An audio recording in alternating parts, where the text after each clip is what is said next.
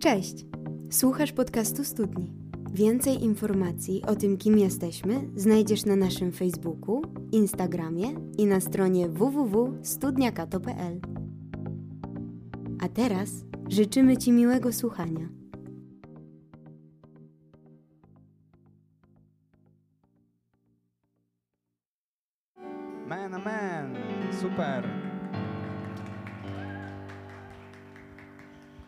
Cześć i czołem.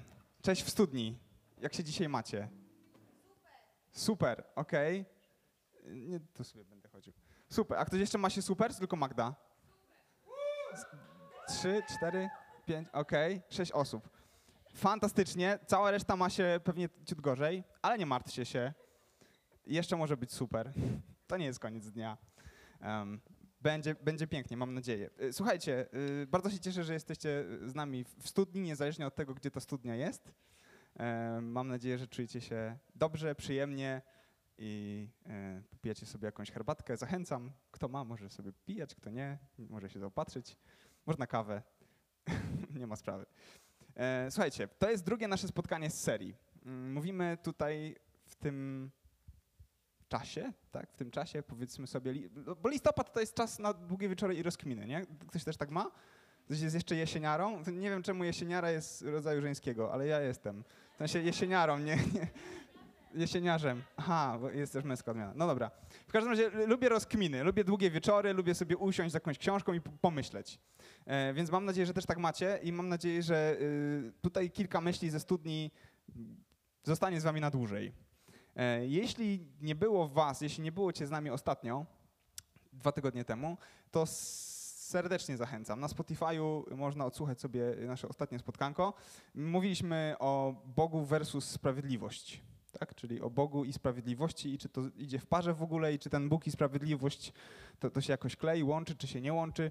Więc zachęcam do tego, żeby sobie y, uzupełnić pierwszy odcinek, bo z serialami zasadniczo jest tak, że jak włączamy od drugiego, to może być różnie. Są takie, w których nie złapiemy plot twistu. Nie? Okej. No, w sensie jakby wiesz, nie złapiemy całego konceptu. No dobra. Em, także zachęcam do tego, żeby posłuchać na, na Spotify'u. Słuchajcie, zaczniemy naszą rozkminę dzisiaj. Mówimy o Bogu i o dobru. I o tym, czy Bóg i dobro, tak jak wtedy, dwa tygodnie temu, Bóg i sprawiedliwość, idą ze sobą w parze, czy to się łączy, czy to się nie łączy, jak to jest z tym Bogiem, czy Bóg jest dobry w ogóle. E, Są różne wersje odpowiedzi na to pytanie. Nie zdołamy tutaj przejrzeć wszystkiego. Nie zdołamy odpowiedzieć sobie wszystkimi odpowiedziami, przestudiować, bo byśmy musieli mieć trzy tygodnie. Ale zaczniemy, słuchajcie, od czegoś takiego mm, ciekawego i z pozoru może wydawać, że nie na temat. Ale y, zaufajcie mi. Jordan Peterson jest taki psycholog, bardzo y, ostatnimi czasy kontrowersyjny, tak mógłbym go określić. Jedni go lubią i się z nim zgadzają, inni go nie lubią, nie cierpią albo nienawidzą wręcz. Em, nie wchodźmy w to, czy, czy go lubicie, czy go nie lubicie, jeśli go znacie, to mniejsza o to. Ale ostatnio dwa, nie więcej już, jest siódmy dzisiaj, nie? To pięć dni temu, 2 listopada, e, umieścił na swoim kanale YouTube'owym filmik, w którym mówi, znaczy on ma kanał po prostu na YouTubie, na którym dość często mówi i e, rozmawia z różnymi ludźmi i na tym kanale e, powiedział coś, co, co jest jak, jak, jak poemat trochę, dobra? Ja to trochę przetłumaczyłem, ale jestem polonistą, nie anglistą i jakby to tłumaczenie jest koślawe strasznie, więc wybaczcie mi, ale chodzi o pewną ideę, która jest zawarta w tym, e, w tym jego tekście. Chciałbym, żebyście na chwilę się skupili, ok? I posłuchali. Damy radę? Fajnie. Cieszę się. Pierwsze rzędy są ze mną. Do tyłu jeszcze jakoś będę musiał dotrzeć, ale to mam nadzieję, że się za chwilę uda. Em, nazwał to jak strasznie dziwnie. e, The Wing and the Prayer or Enemy. Taka jest, taki jest tytuł. Czyli nie wiem, skrzydło i modlitwa lub wróg. Judy? Tak by to trzeba było przetłumaczyć? No właśnie, jakoś tak dziwnie. No dobra, ale to, to jest tylko tytuł. Idziemy dalej, ok? E, mówi tak. Boże, podnieś mnie z nieznośnego ciężaru mojej ignorancji, arogancji, świadomej ślep- ślepoty, goryczy i urazy, kiedy modlę się, aby inni wznosili się ponad te same błędy i pokusy. Obserwowałem, jak Fox News nadawało wiadomości w tym tygodniu i treść tej wiadomości. Pod powierzchnią naszego społeczeństwa czają się straszne rzeczy, a sprawcy idą po ciebie. idą po nas. A potem obserwowałem, jak demokraci reagują w panice i gniewie, mówiąc, pod powierzchnią naszego społeczeństwa czai się, czai, czają się straszne rzeczy, a ich sprawcy idą po ciebie, idą po nas. Czy pod powierzchnią czają się naprawdę straszne rzeczy? Czy oni naprawdę idą po ciebie? Czy oni naprawdę idą po nas? Zadaj sobie pytanie, jak prawdziwe jest to w stosunku do ciebie i do twojego własnego życia. Czy ogarniasz to wszystko? Czy zajmujesz się kurzem w oczach wroga, zamiast zajmować się brudem, który zasłania twój wzrok? Czy chcemy oskarżeń, podejrzeń, niezgody, drwin i nienawiści? A może chcemy pokoju, dobrobytu i szczęścia, które kuszą nas w tej chwili jak nigdy dotąd? Kto tu jest wrogiem? Czy chodzi tutaj o godnych ubolewania, czy o jakichś dziwaków, czy wrogami są hydraulicy, stolarze, ziemieślnicy i menedżerowie, którzy uczciwie i sumiennie pracują w ciągu tygodnia, albo żołnierze, którzy nas chronią? Czy to artyści i wizjonerzy, których ekspresje nieokiełznanej kreatywności bawią i odmładzają i którzy nieustannie oferują nam niekończący się wachlarz cudów technologicznych? Czy to instytucje, które nas kierują i chronią? Przecież tak wielu żyło i umarło, aby je wznieść i ustanowić. One mimo wszystkich swoich wad tak dobrze nam przecież służyły. Chcemy zemsty czy sprawiedliwości, czy chcemy pogardy czy miłosierdzia, chcemy wojny czy pokoju. A do czego ty dążysz w swoim sercu?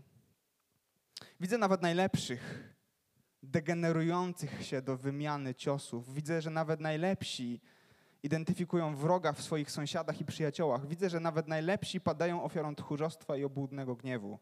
To się musi zatrzymać. Muszę przestać. Musisz przestać. Zanim będzie za późno. Kto jest tutaj wrogiem?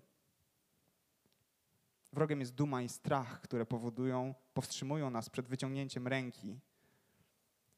Wróg jest wielkim i wiecznym przeciwnikiem ludzkości, a jeśli demonizujemy naszych braci, towarzyszy broni, czy też nie wzywamy dokładnie tego ducha? Jeśli, demoni, jeśli nie jeszcze raz.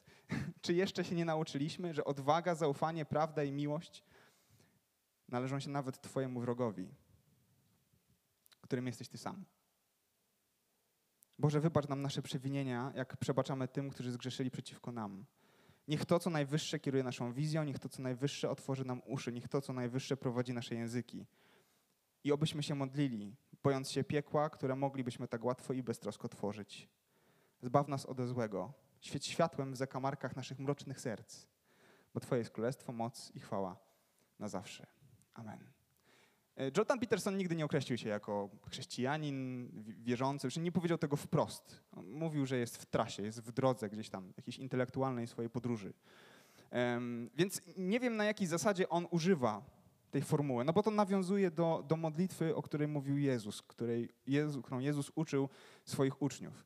Um, Peterson był przez wiele lat y, na Harvardzie wykładowcą różnych mitologii i religioznawstwa, więc y, może tego używać, wiecie, funkcjonalnie po to tylko, żeby odwołać się do jakiejś tam, powiedzmy, świętości dla niektórych. Ale y, to, co jest istotne, to, co jest najważniejsze, to pewna refleksja, która wynika z tego, co mówi Peterson. Hej, tak często szukamy wrogów w ludziach, którzy nas otaczają. Tak często szukamy wrogów w naszych sąsiadach, przyjaciołach, znajomych. Tak często szukamy wrogów w ludziach, którzy, którzy może mają odmienne zdania. Tak często szukamy wrogów w instytucjach. A może prawda jest trochę inna? Może wrogami dla nas samych jesteśmy my sami. Okay? Znaczy, zaraz, wiecie, można zapytać, no o, o, dobra, ale mieliśmy mówić o Bogu i o dobru o, o czym ty w ogóle mówisz, ale słuchajcie, to jest bardzo ważna konstatacja i bardzo ważna myśl. Możliwe, że ty jesteś swoim największym wrogiem. I możliwe, że problem leży nie w świecie dookoła, nie w innych, tylko w tobie i we mnie. Innymi słowy, problem z ludzkością może nie polegać na tym, że nam się zepsuły systemy, instytucje, społeczeństwa inni ludzie. Ty jesteś zepsuty. Ja jestem zepsuty. Tu jest problem. Jesteśmy zaślepieni swoimi krótkowzrocznymi i egoistycznymi problemami. Często e, chorujemy na taki nieuświadomiony narcyzm i wydaje nam się, że świat powinien być poukładany tak, jak nam się wydaje, że powinien być poukładany. Bo my przecież wiemy, jak powinien być świat poukładany. Hello. Kiedy ostatnio rozmawialiście ze swoimi znajomymi o polityce? Mam nadzieję, że nie czynicie tego jakby na tyle często, żeby y, się tam z nimi, nie wiem, jakoś bić albo spierać. Ale czy to nie jest tak, że wszyscy jesteśmy trochę takimi niedoszłymi zbawcami narodu? Że jakbyśmy my byli tymi, którzy decydują, no to świat byłby piękny. Nie? Ludzie chodziliby w szczęściu, zarabiali dużo i w ogóle zasadniczo byłoby cudownie. No przecież to jest takie proste. Wystarczy wcielić w życie nasz plan. Bo my wiemy. Ktoś tak ma? Trochę? Że, że, że, że wydaje mu się, że wie? Ja tak czasami mam. Ja się przyznaję, ja jestem ja jakby, tak, jestem zepsuty. Tak, trochę szczerości i prywaty od siebie. Mm. No właśnie, ale teraz chwilę proszę, żebyście wy byli szczerzy przed samymi sobą, ok? Czy naprawdę jesteśmy tacy świetni, jak nam się wydaje? Czy naprawdę znamy się na wszystkim najlepiej? Czy naprawdę problem jest tym światem, a nie z nami? Wiecie, jakby Peterson nie odkrywa tutaj Ameryki. On się odwołuje do pewnych treści, które były mówione i gdzieś pojawiały się w Biblii na przykład setki, a nawet tysiące lat przed nim. Paweł pisał o tym, że wszyscy, Paweł w Biblii, ten co pisał listy, apostoł Paweł pisał, że jakby wszyscy zgrzeszyli i brak im chwały Bożej. Na studni kilka razy już o tym gdzieś tam mówiliśmy. Święty Jan w Ewangelii napisał, oto na czym polega sąd. Światło przyszło na świat, lecz ludzie wybrali ciemność, gdyż ich postępki były złe. Więc Biblia twierdzi, hej ludzie, to z wami jest problem. To z wami jest problem. Więc yy, żeby rozwiązać problem, trzeba było rozwiązać, trzeba było rozwiązać was. To nie jest takie proste. Jesteście, jesteśmy ograniczeni przez swoje własne błędy. Ok? Czy wszyscy, wszyscy jakby gdzieś tam, nie, nie chodzi o to, czy się z tą myślą zgadzacie, ale czy chociaż łapiecie? Tak? Super. Świetnie. E, I wiecie, to jest wszystko istotne, Dlatego o tym mówię, że mówiąc obrazowo, mogę porzucić to krzesło na chwilę? Mamy ciągoty i tendencję do tego, żeby. To jest ława oskarżonych. Wiem, to jest bardzo, y, bardzo symboliczna ława oskarżonych. okay? Ale wyobraźcie sobie, że jesteście w sądzie na chwilę i to jest ława oskarżonych. I my na tej ławie oskarżonych często sadzamy Boga. I mówimy mu, Boże, Chyba coś ci się pomieszało. Świat, w którym żyję, jest zły. Czy ty tego nie widzisz? Nie widzisz ogromu cierpienia? Nie widzisz ogromu bólu, który nas otacza? Czy ty nie widzisz tych wojen, które się dzieją? Czy ty nie widzisz dzieci umierających z głodu? Boże, nie mógłbyś coś, czegoś z tym zrobić? Boże, jakby, jak ty układałeś ten świat? Chyba ci się coś pomyliło. I są dwie opcje. Albo Boże, jesteś jakiś taki, że, że nie ogarniasz trochę i ci świat nie wyszedł, bo przecież miało być tak pięknie, albo może jesteś złym Bogiem, albo może dlatego, że świat jest zły, to Ty, Boże, nie jesteś godzien tego, żebym ja mógł w Ciebie uwierzyć. W ogóle. Wiecie, i jakby um, projektujemy na Boga, jakby obrzucamy Boga swoimi wizjami. Mówimy, Boże, świat powinien być inny, bo ja uważam, że powinien być inny. Bo ja myślę, bo mnie się wydaje, bo ja mam taką wizję, że świat, który ja bym stworzył, byłby lepszy. Przecież mógłbym stworzyć świat bez cierpienia, bez, bólu. Um, świat, który mnie otacza, jest zły, a mógłby być taki dobry. Słuchajcie, na, na pewno wiemy, na pewno jest tak, że gdybyśmy my układali świat, to byłby on lepszy. Wczoraj byłem w górach. Nie, no, nie, no nie mówię. Bardzo ciekawa rzecz się wydarzyła w tych górach. Jakby, to nie o to chodzi, że chodzę po górach, tylko że y, w pewnym momencie wiecie, szedłem taką dłuższą trochę pętlą i poczułem, y, że spada mi cukier, że nie mam energii. Dość długo było super, świetnie. Sobie tak, wiecie, biegłem, maszerowałem, cudownie, pięknie słoneczko świeciło, idealnie i w pewnym momencie poczułem, że zjazd energetyczny się za, zaczyna. No więc y, wiedziałem, że do pacówki przed sobą mam jeszcze jakieś 50 minut, więc przed oczami stanęły mi naleśniki. Znaczy, naleśniki w górach, ktoś jadł tak? W jakim schronisku? Naleśniki w górach wchodzą jak... Wow, cudowne to jest. No więc biegłem do tej pacówki, mając te naleśniki przed oczyma. Yy, i ta nadzieja naprawdę mi pomagała. Sobie myślałem, nie ma nic lepszego w tym momencie dla mnie niż te naleśniki. Jakby nic nie da mi tego, co mi one dadzą. Fantastyczna sprawa. Wchodzę do tej bacówki, okazało się, że naleśników nie ma. Ale ale były racuchy. Racuchy z takim y, świetnym jagodowym sosem. Bardzo dobre. Takie jagody, wiecie, z lasu. Ekstra super. Świetnie. Zjadłem te, te racuchy, no i ruszyłem w podróż powrotną, nie? E, miałem nadzieję na to, że skoro zasiliłem swój organizm dosyć, dosyć dużą dawką cukru, to teraz nie będzie problemu. I nagle w pewnym momencie, gdy sobie tak szedłem z powrotem, świat zaczął mi się kołysać przed oczyma. Na maksa. Tak mi się zaczęło kręcić w głowie, że myślałem, że się wywrócę. Były takie momenty, kiedy było dość, szlak był dość wąski.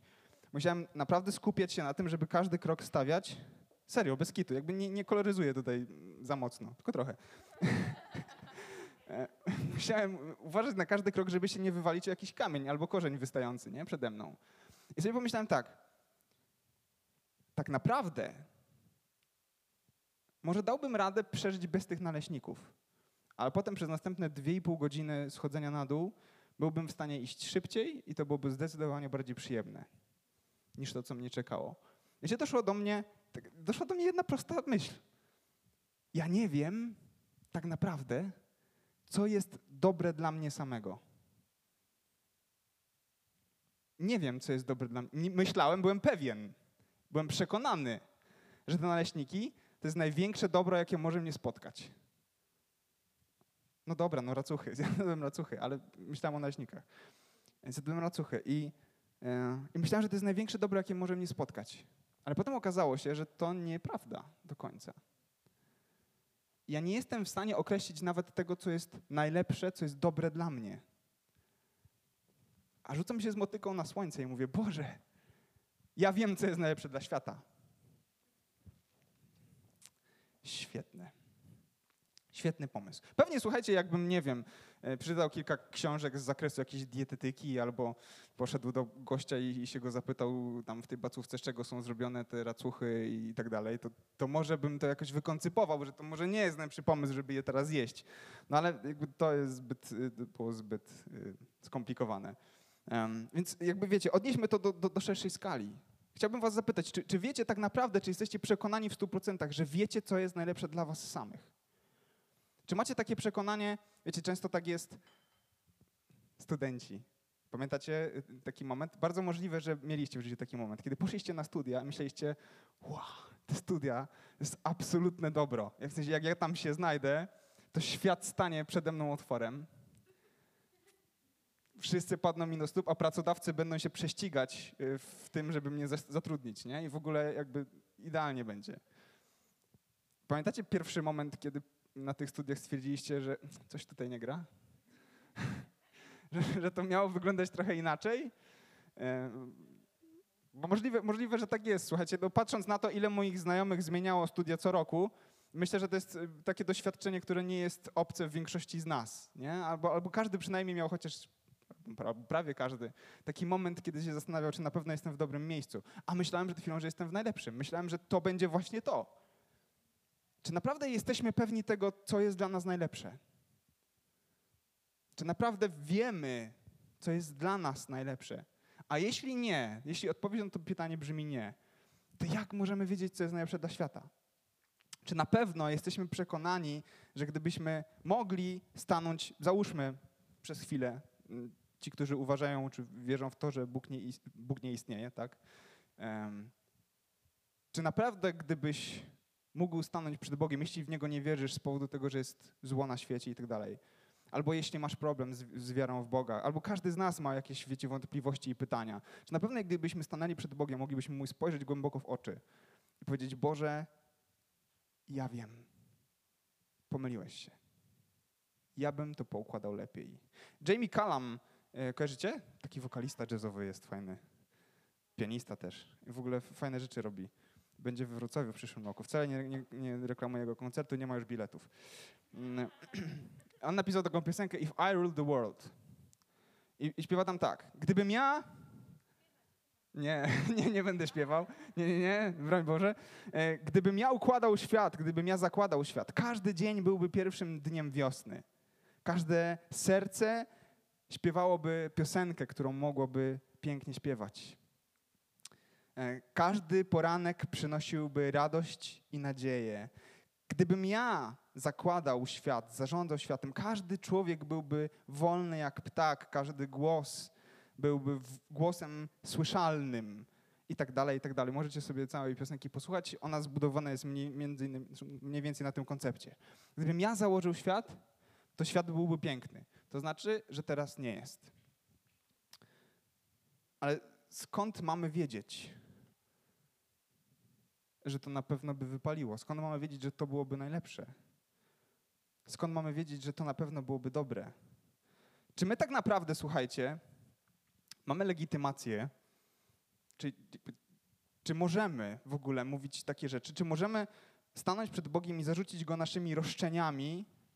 Czy naprawdę Bóg zasługuje na to, by w Niego nie wierzyć, dlatego że świat, który nas otacza, jest zły? Filozof e, Mackey przedstawia to tak. Gdyby istniał dobry Bóg i potężny Bóg, nie zezwoliłby na bezsensowne cierpienie, ponieważ jednak w świecie jest tyle niewytłumaczalnego, bezsensownego cierpienia, tradycyjnie rozumiany dobry i potężny Bóg nie może istnieć. Może istnieć jakiś inny Bóg, albo może nie być go wcale. Ale niemożliwe jest istnienie tradycyjnie rozumianego Boga.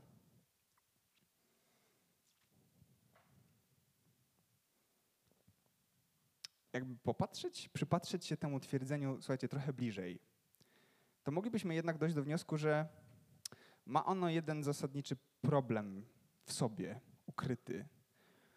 Timothy Keller, taki apologeta i pastor, stwierdza coś takiego.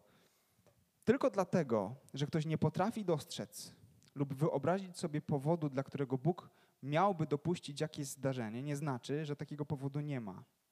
W pozornie niewzruszonym sceptycyzmie kryje się niezwykła wiara we własne możliwości poznawcze. Słuchajcie, w naszych wątpliwościach wszyscy jesteśmy strasznie wierzący. Wiecie, w kogo wierzymy? Wierzymy w siebie, wierzymy w swoje możliwości poznawcze, wierzymy w to, że nasze możliwości poznawcze, że nasze koncepcje, że nasze przewidywanie przyszłości, nasza znajomość rzeczywistości, świata, który nas otacza, jest tak daleka i tak głęboka, że my byśmy wiedzieli. A być może tak nie jest, bo prawdopodobnie tak nie jest w ogóle, bo często nie wiemy, co jest dobre dla nas samych. E, słuchajcie, C.S. Lewis E, taki autor, mm, na swojej drodze takiej intelektualno-poznawczej doszedł do bardzo ciekawego wniosku. On był ateistą w pewnym momencie swojego życia. E, stał się ateistą głównie dlatego, że zobaczył dramat I wojny światowej. Siedział w okopach bardzo długi czas, kiedy, wiecie, leżał z karabinem w ręce i miał za zadanie zabijać innych ludzi. Doszedł do wniosku, że świat, który go otacza, jest bezsensowny, zły, zdegenerowany i zasadniczo fatalny. Więc nie ma Boga. Albo jeśli coś tam gdzieś tam jest, to zasadniczo nie warto w to wierzyć. I wiecie, w pewnym momencie jednak tej swojej gdzieś tam podróży i takiego zmagania się z całym tym problemem, on dochodzi do jednej w ogóle bardzo ciekawej myśli. E, posłuchajcie jej. On to zapisał w swojej książce Chrześcijaństwo po prostu i brzmi ono tak. Mój własny argument przeciwko Bogu zasadzał się na tym, że wszechświat wydaje się bardzo okrutny i niesprawiedliwy. Ale skąd wzięła się u mnie idea sprawiedliwości i niesprawiedliwości? Nikt nie może nazwać linii krzywą, o ile nie posiada jakiegoś pojęcia linii prostej. Z czym więc porównywałem wszechświat, kiedy uznałem go za niesprawiedliwy? Jeśli cały ten kram jest z gruntu zły i bez sensu, dlaczego ja sam który w końcu jestem jego częścią, reaguje przeciw niemu tak gwałtownie. Kiedy człowiek wpadnie do wody, czuje się przemoczony, bo człowiek nie jest stworzeniem wodnym. Ryba nie czułaby się przemoczona. Oczywiście mogłem wyrzec się idei sprawiedliwości, uznając ją za swój prywatny wymysł, ale wówczas runąłby także mój argument przeciwko Bogu, bo opierał się na stwierdzeniu, że świat jest autentycznie niesprawiedliwy, a nie, że akurat nie odpowiada moim gustom. Wiecie, to jest zasadnicze pytanie. Czy świat jest zły, a więc Boga nie ma? Czy po prostu nam się ten świat nie podoba i to jest nasza prywatna jakby sprawa? Nie, bo mam wrażenie, że bardzo łatwo przenosimy jakby z jednej, z jednej półki, z jednego pułapu na, na drugie. Czyli mówimy, Boże, jeśli mi się coś nie podoba, to znaczy, że Ciebie nie ma. albo że ty jesteś zły, albo, albo jakiś tam. Tak? Czyli robimy z prywatnego osądu jakąś, jakieś twierdzenie obiektywne dotyczące całości rzeczywistości. Mm, więc dlaczego chciałbyś, żeby świat był zbudowany wokół tego, jak pojmujesz dobro? Tydzień temu mówiliśmy o tym, że Boża definicja sprawiedliwości różni się od naszej i, i, to jest jakaś taka dla nas nadzieja, wręcz ogromna, bo gdyby Bóg nas traktował z taką sprawiedliwością, z jaką my chcemy traktować innych, to nie byłoby dla nas nadziei. E, ale czy, czy z dobrem nie jest trochę podobnie?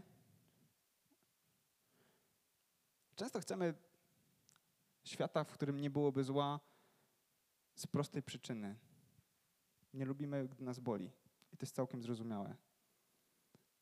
To nie jest tak, że cierpienie uszlachetnia samo w sobie. To nie jest tak, że ból jest świetny i super. Nikt nie lubi, jak go boli. Nikt nie lubi cierpieć. Ale dlaczego zakładamy, że cierpienie jest złe?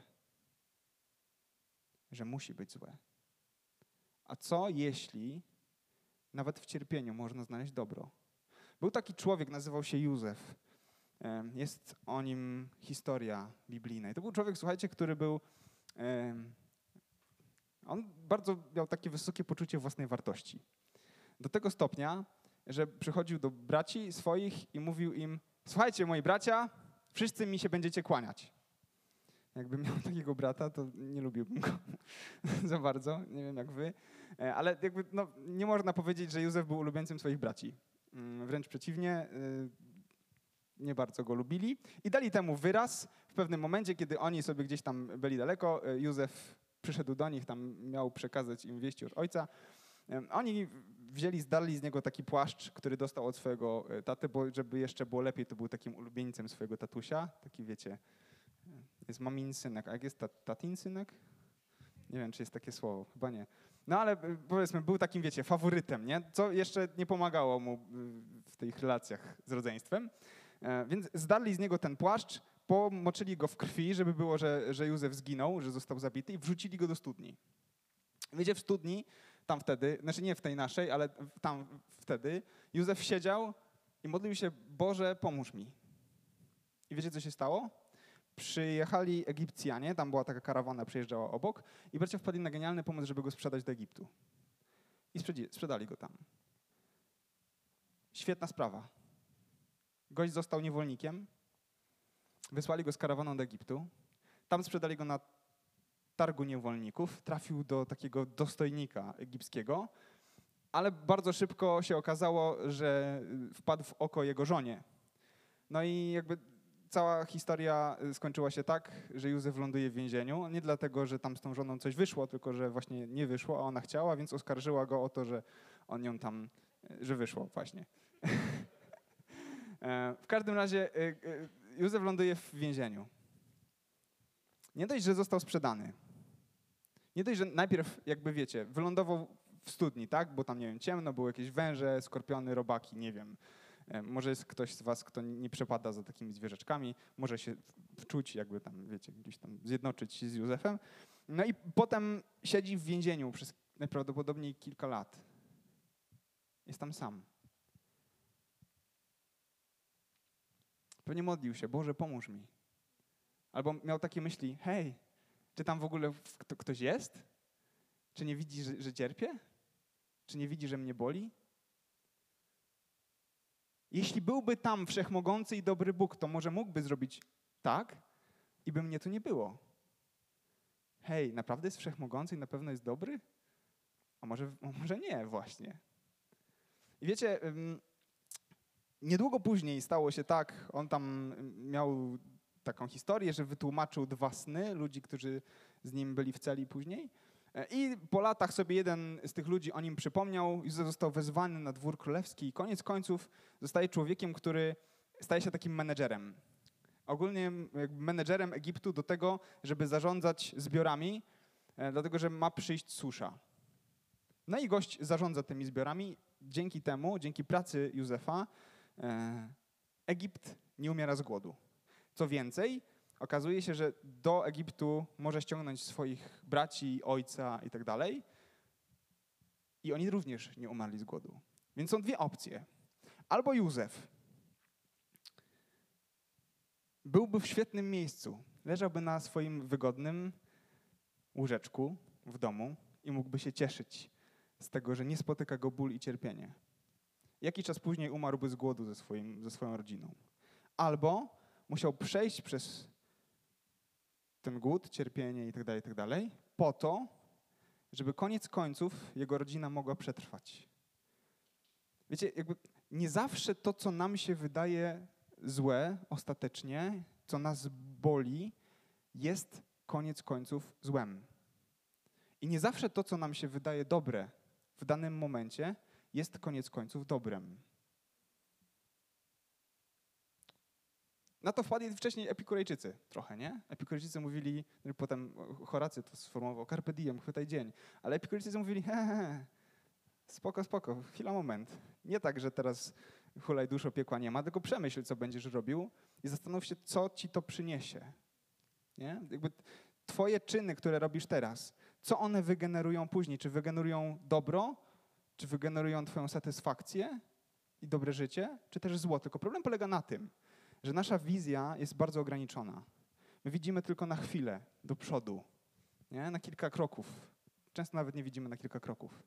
Więc nie jesteśmy w stanie przewidzieć tego, co nas spotka za chwilę.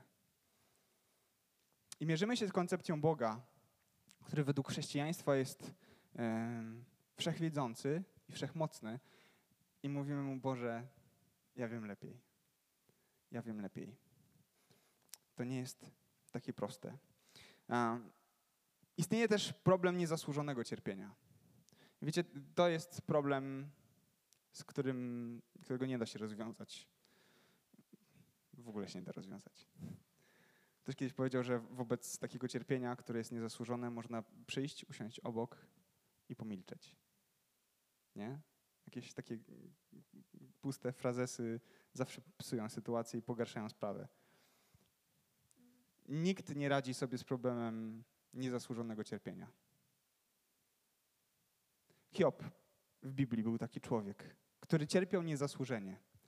Zginęła mu cała rodzina, miał mnóstwo kasy, wszystko stracił.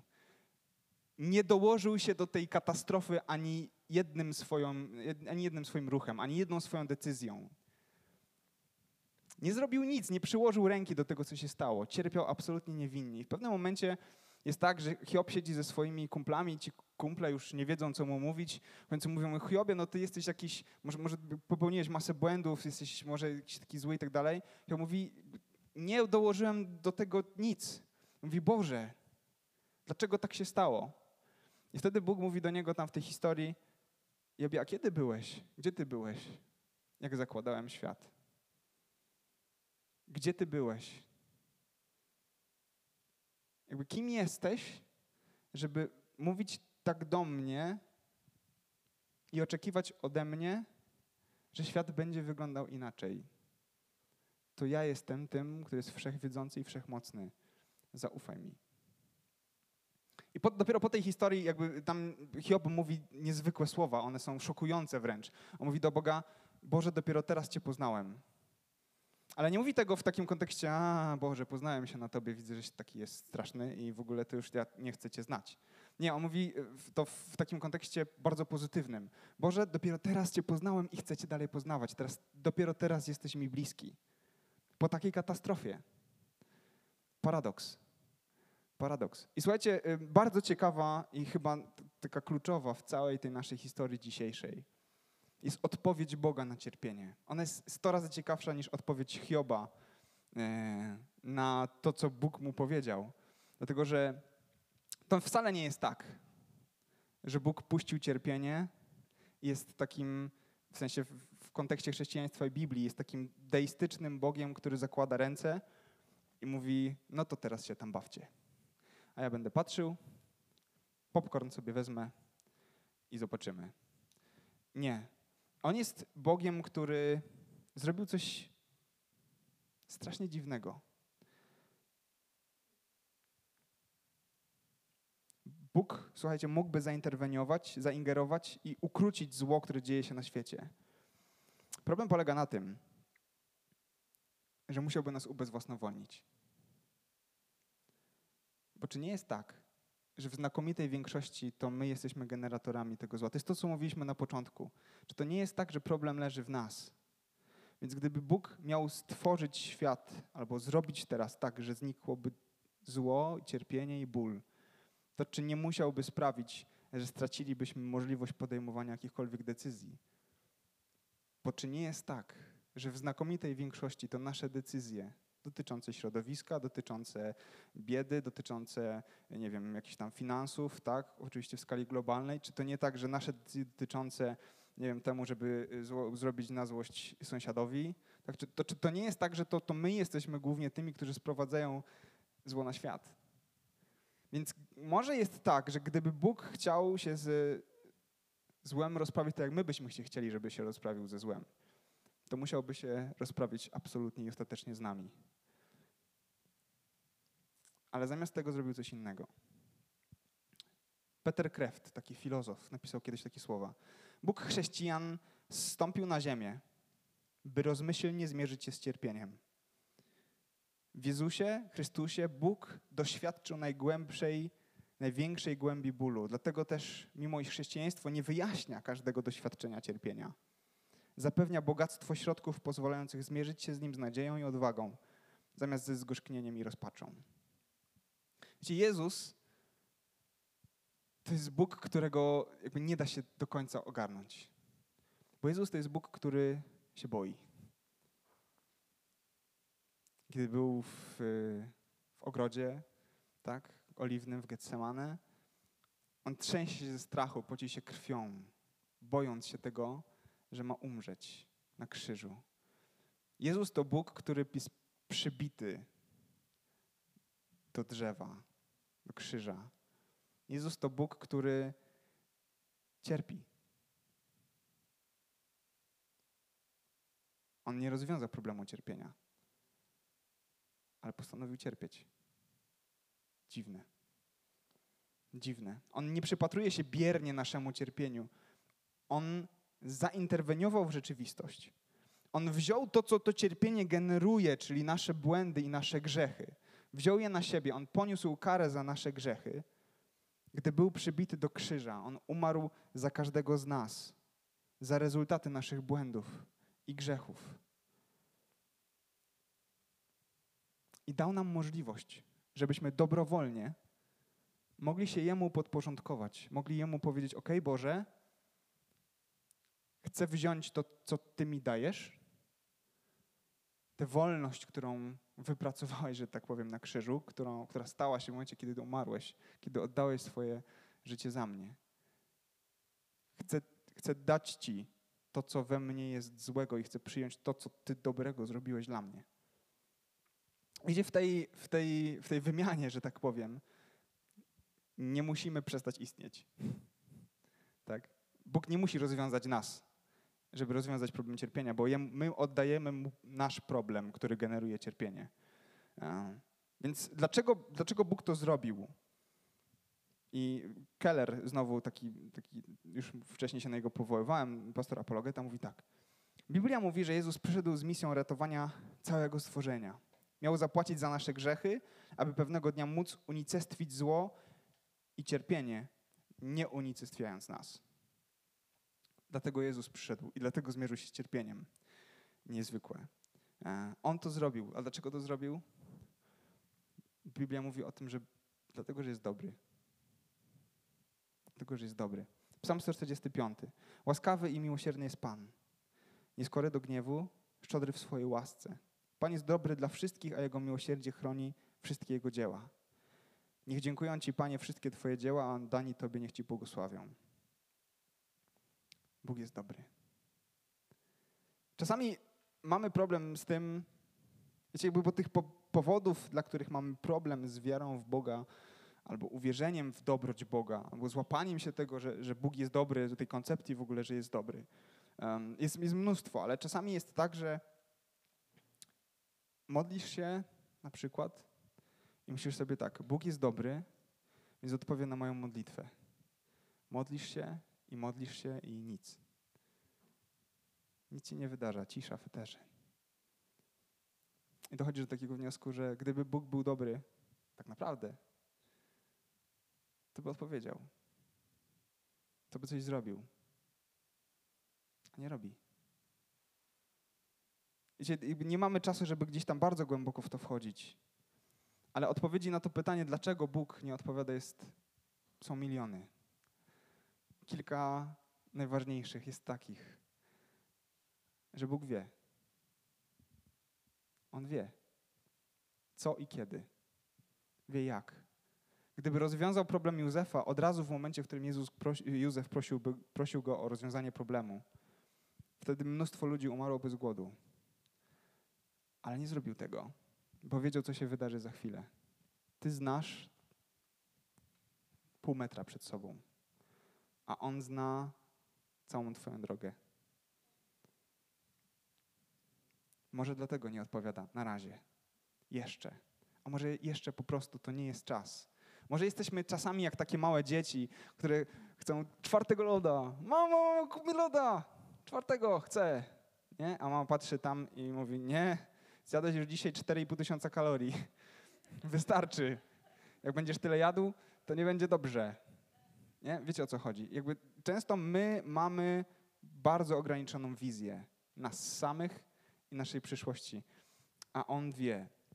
To jest oczywiście tylko takie, wiecie, prześlizgiwanie się po powierzchni tych, yy, tych odpowiedzi może być dużo więcej. W księdze Jeremiasza są takie, yy, są takie słowa. Ja wiem, jakie wiąże z wami plany, oświadcza Pan. To plany o pokoju, a nie o niedoli. Chcę dać wam szczęśliwą przyszłość i uczynić was ludźmi nadziei. Jeśli więc zastanawiasz się, jaki jest Bóg, Jeremiasz odpowiada na to tak. Hej, Bóg jest dobry. Bóg w Biblii mówi o sobie: Jestem dobry, chcę Ci dać szczęście. Chcę Ci dać nadzieję. Chcę Ci dać pokój. Tylko zaufaj mi. Nie, nie, nie, sadzaj mnie na ławce w tym momencie, na ławie oskarżonych. Oczywiście każdy z nas ma takie momenty, kiedy sadza Boga na ławie oskarżonych i ma wątpliwości i pytania. To jest jakby naturalne, normalne i, i zawsze tak będziemy mieli do końca życia. Najprawdopodobniej, jeśli chcemy się rozwijać. Ale, ale czasami jest tak, że wszystko to, co musimy zrobić, to spojrzeć na Jezusa i pomyśleć sobie, Boże, skoro Ty odpowiedziałeś na moje cierpienie tak, że cierpiałeś, jakby jesteś ze mną. Nie, nie tylko tak, wiecie, jakby w przenośni, ale Ty umarłeś na krzyżu po to, żeby zabrać konsekwencje moich błędów, moich grzechów. To chcę zaufać w to, że jesteś dobry. Chcę zaufać w to, że jesteś dobry. Są dwie drogi. Znaczy, jakby dróg do tego, żeby żeby poznawać Boga ogólnie rzecz biorąc jest więcej. Do, do, do różnych nas przemawiają różne rzeczy. Ale e, jest więcej. E, ale zasadniczo możemy poznawać Boga intelektualnie, możemy sobie o Nim kminić i rozmyślać, czytać filozofów, teologów, mm, różne książki i tak dalej, analizować Biblię, każdy wers rozbijać na 100 tysięcy drobnych kawałków. To jest super. A możemy też po prostu przyjść i pogadać z Bogiem. I to też jest super. Możemy mu powiedzieć tak, jakby wiecie, ofen, nie? tak jakby Boże, hello, to mi się nie zgadza, to mi się nie podoba. Ale ch chcę, jakby nie, nie, chcę w ciebie walić tylko moimi jakby problemami, pytaniami, kwestiami. Chcę też jakby usłyszeć, co ty chcesz na ten temat powiedzieć. Chcę znać drugą stronę. Chcę wiedzieć też, Boże, jak to wygląda z twojej perspektywy. I jestem święcie przekonany w to, bo mówi o tym, o tym Biblia, że jeśli szukacie mnie szczerze, z całego swojego serca, to ja dam wam się odnaleźć.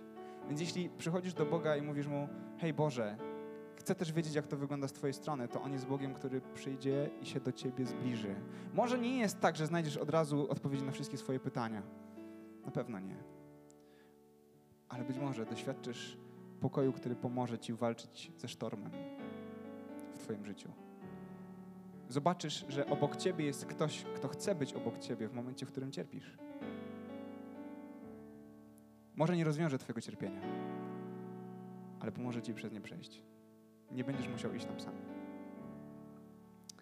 Więc można by debatować o tym, czy Bóg jest dobry jeszcze y, kupę czasu. Bo to jest też tak, że często wątpimy w dobroć Boga, gdy widzimy różnych ludzi, którzy deklarują się jako ci tam boży, tak? Albo jakkolwiek religijni i tak dalej. Widzimy, co robią w międzyczasie, tak? Co robią w ukryciu, gdy nikt nie widzi i sobie myślimy, ale okropne to jest. Ale to jest okropne. Nie chcę wierzyć w Boga, który jest ich Bogiem. Jasne, to jest zrozumiałe. Ale list do Rzymian mówi, hej, to, że ludzie są niewierni wcale nie oznacza, że Bóg jest niewierny. To, że ludzie, którzy podają się za tych, którzy są Jego, są źli, wcale nie oznacza, że On jest zły. I tak dalej, i tak dalej. Moglibyśmy siedzieć i, wiecie, debatować o tym jeszcze godzinami. To byłoby super, ale niestety nie mamy tyle czasu. Ja mam jutro na 7.10 do pracy, więc musimy, muszę się wyrobić. Nie wiem jak wy. Eee ale, ale wiecie, nie chciałbym, żeby nasze, nasze spotkanie skończyło się tylko i wyłącznie na takim siedzeniu i mużdżeniu. Dobra? To jest trochę tak, jak, słuchajcie, spotkać się ze znajomym i rozmawiać z nim o idei kochającej mamy. Wiecie, na zasadzie, e, ja mam taki koncept, że może istnieć kochająca mama. Fajny koncept, nie? Tak podobał wam się koncept kochającej mamy? Ogólnie kochająca mama się przydaje w życiu, nie? Lepiej mieć kochającą niż nie. Tak, no właśnie, ja mam koncept kochającej mamy i wiecie, spotykamy się z kumplem i rozmawiamy o tym koncepcie kochającej mamy i potem wracamy do domu. Fajnie, ale co to wniosło w nasze życie? Najprawdopodobniej niewiele. Znaczy, może nas gdzieś tam otworzyło, lekko poszerzyło horyzonty. Ale o ile fajniejsze jest wrócić do domu i dostać 20 słoików od kochającej mamy nie? Zupkę albo coś tam. Oczywiście tam zamiast mamy można sobie podstawić żonę na przykład, nie? I tak dalej, i tak dalej. E, można też coś zrobić kochającej żonie nawet. Fajnie. E, w każdym razie to, co chcę powiedzieć, to to, że słuchajcie, czasami potrzebujemy na chwilę odkleić się od naszej dywagacji i od naszych dysput i rozmów, które są super i trzeba je robić. I możemy się e, na chwilę sfokusować na tym, żeby się spotkać z tym, o kim gadamy. Ok? To chciałbym, żebyśmy to zrobili na chwilę. Wstańcie, proszę. Zaśpiewamy y, taki króciutki fragmencik. Nie jest przesadnie skomplikowany. Y, słowa będą bardzo, bardzo proste. Y, ale chciałbym, żebyście na chwilę gdzieś tam spojrzeli wewnątrz. Zobaczyli to, jak wy widzicie Boga. Skupili się na chwilę na swojej wizji Boga. Spróbowali spojrzeć na swoje wątpliwości, spróbowali spojrzeć na swoje pytania, które macie, a potem zaśpiewać razem z nami to, co będziemy śpiewać. Dobra? E, I słuchajcie, wierzę w to, że jeśli powiemy Bogu, hej Boże, chcemy wiedzieć, jak to jest z Twojej strony, chcemy na chwilę odkleić się tylko od nadawania naszego i skupić na tym, żeby usłyszeć coś od Ciebie, to On to zrobi. On może coś do nas powiedzieć. Ok? Fantastycznie. Dobra, no to y, fragmencik piosenki, której tekst brzmi Bóg dobry jest.